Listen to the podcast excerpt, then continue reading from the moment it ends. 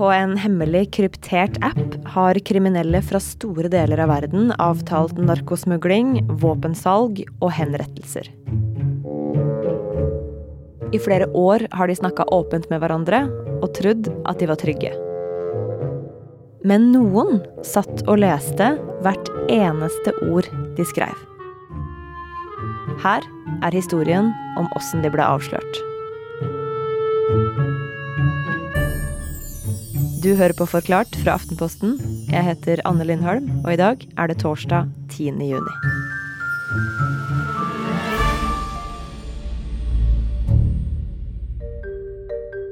Today, the Australian government, as part of a global operation, has struck a heavy blow against organised crime around the world. Denne uka kom jo det som blir omtalt som tidenes eh, avsløring av internasjonalt politi. Is a result of tremendous innovation, dedication, and unprecedented international collaboration. And the results are staggering. 400 millioner eh, norske kroner i beslaglagte verdier, tonnevis av narkotika som er tatt, 100 drap som er avverga, og um, dette er gigantisk. Og Jan Gunnar Furuli, du har jo jobba med denne store globale politiaksjonen. Og hvor starter hele historien?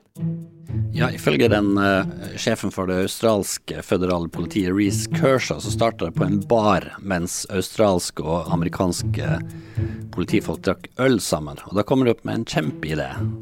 Og hva er den ideen? Nei, altså de vil uh, rett og slett starte en kryptert app hvor de har kontroll på alt som de kriminelle sier og gjør. Så da starta jobben med å få tak i en sånn app.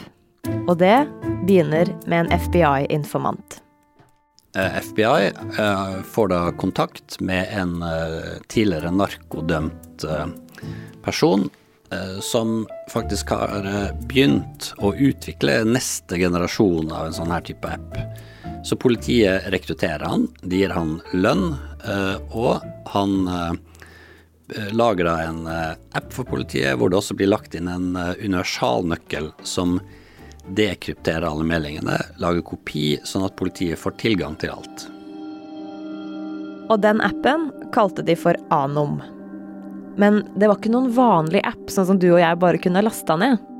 Du trengte nemlig en helt egen telefon bare til å chatte på Anom. Det har jo vært flere sånne type telefoner som har vært ute blant de kriminelle, så det her er et veldig innarbeidet konsept. Eh, det er eh, strippa telefoner som du ikke kan ringe med, du kan ikke surfe med dem på nettet, men ved hjelp av noen kalkulatorer eh, så kan du gå inn på denne devicen, og du kan sende meldinger til ligaen din, til folkene som du samarbeider med, og ingen i hele verden kan vite hva dere snakker om, tror de.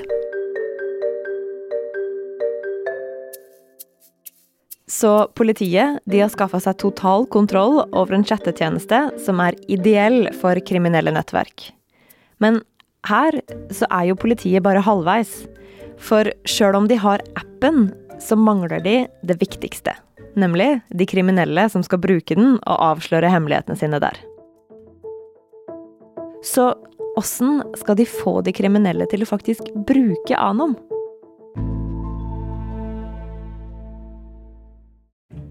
Så australsk politi og FBI i USA de kontrollerte i 2018 en app som var ideell for kriminelle nettverk.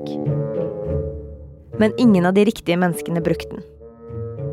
Så da starta jobben med å få de kriminelle til å bruke Anom. Ja, altså de er jo heldige da som har den der eh, FBI-informanten eh, som har eh, produsert eh, appen og telefonene. Han har jo god og bred kjennskap til selve distribusjonskanalen. Han har uh, solgt sånne før og formidla det, så de kriminelle de stoler på han. Uh, han får ut ganske mange devicer. I tillegg så jobber uh, australsk politi parallelt. der er det altså undercover-agenter som snakker med en kjent narkotikasmugler som heter Hakan Aik, og de får han da, uten at han er klar over det, så sender han ut en del telefoner med denne appen. Og de, politiet i Australia bruker også andre nøkkelpersoner i det kriminelle miljøet. Så de bruker på en måte kriminelle influensere? Dette er i aller høyeste grad kriminelle influensere som får spredt rykte og eh, distribusjon av det her. Så sakte, men sikkert så sprer de her telefonene med Anon på seg utover i det politiet kaller kriminelle nettverk i USA og i Australia. Og etter hvert så kunne politiet lese meldinger om det de mener er våpensmugling, narkohandling og henrettelser. Jeg har sett noen få eh, screenshots fra, fra systemet, her har de kriminelle virkelig senka garden. Eh, og de snakker i klartekst om eh, bestilling av narkotika, bestilling av drap. Eh, altså kriminelle handlinger blir planlagt og utført i klartekst på, på systemet. Da.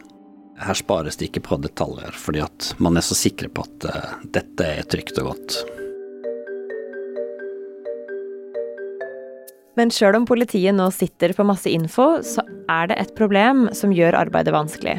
For siden telefonene med Anon på har spredt seg i de her nettverkene via via, så veit FBI hvilken telefon som legger ut hva, men de veit ikke hvilket menneske som sitter og taster på den telefonen. Og det kunne det ta flere måneder å finne ut av. Men litt etter litt så mener politiet at de har skaffa seg en god oversikt. De har jo funnet ut uh, alle de utrolige tingene som forbrytersyndikater holder på med, altså kokainsmugling blant frukt. Uh, we were able to actually see photographs of hundreds of tons of cocaine that were concealed in shipments of fruit.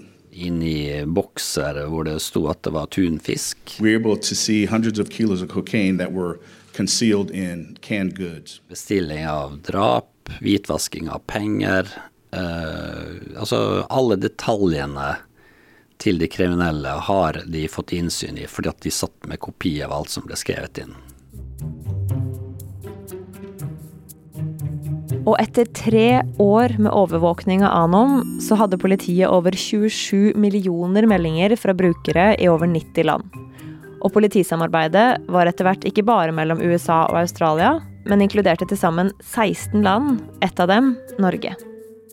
Og på tirsdag så bestemte de seg for å slå til. Internasjonal politiaksjon har avverga organisert kriminalitet. Flere enn 800 personer er pågrepne.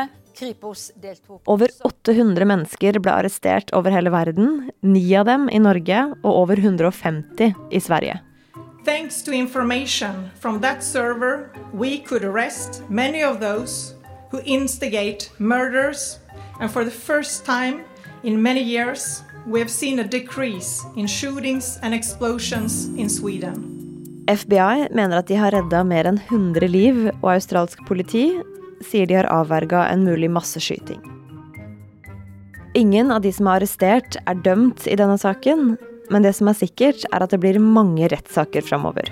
Og politiet, de er svært fornøyde med innsatsen. The amount of intelligence that we received was staggering. From seizing drugs, guns, and millions of dollars in multiple currencies to addressing more than 150 threats to life. Which will give an international law enforcement community exceptional insight Det var rad opp med politifolk som fikk si at dette var det største anslaget, dette var en fantastisk innsats, de roste egne medarbeidere.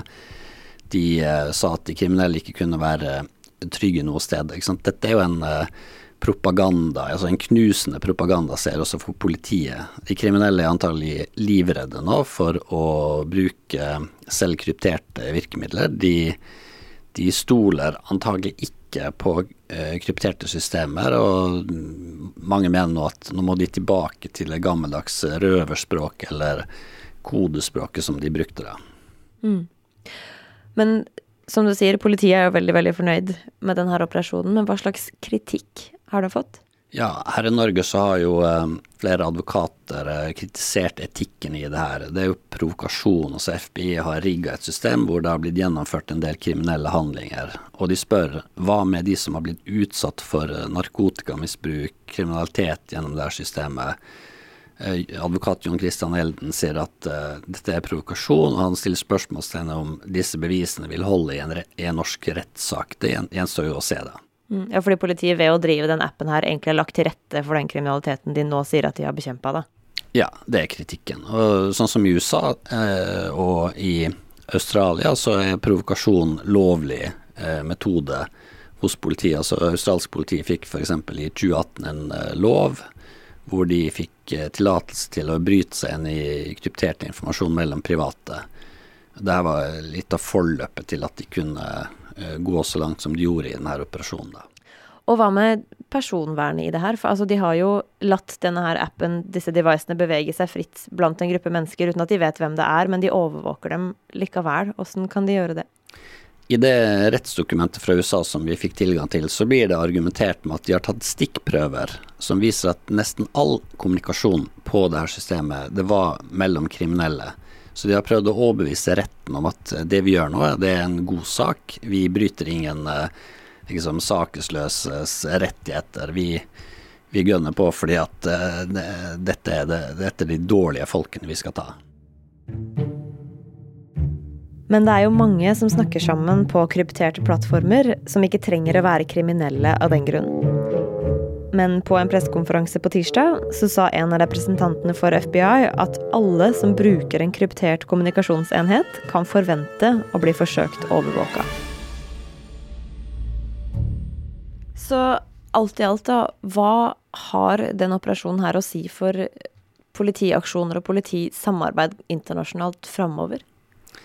Altså, nå har jo eh, politiet en virkelig paradesak som de kan vise til. Ikke sant? Det her eh, har blitt et skremsel. Altså, Er det slutten på organisert kriminalitet? Nei, det, det er det jo ikke. Men at det har vært, hatt uh, en uh, stor effekt på kort sikt, det har det nok. Også bare se på Sverige, hvor 155 mennesker ble uh, arrestert på mandag og tirsdag denne uka. En svensk politisjef som sa at dette er folk som har stått bak, bak skytinger og sprengninger midt i hverdagslivet i Sverige. Så nå, nå, har de fått til et av de største tilslagene mot akkurat det miljøet. Sånn at eh, kanskje Sverige har blitt et eh, bedre land på kort sikt, da. Så blir det vanskeligere å drive organisert kriminalitet som narko- og våpensmugling nå? Ja, så på kort sikt, de, de eh, kartellene som nå er ramma, de er jo skikkelig hardt ramma. De vil kunne blø i måneder og år i utallige rettssaker. Altså politiet har en gullgruve i form av masse beviser mot de miljøene. Men eh, det er jo ikke slutten på organisert kriminalitet, og de her eh, miljøene vil nok finne andre måter å kommunisere på. Og kanskje de eh, må tilbake til eh, godt gammeldags eh, kodespråk igjen, da.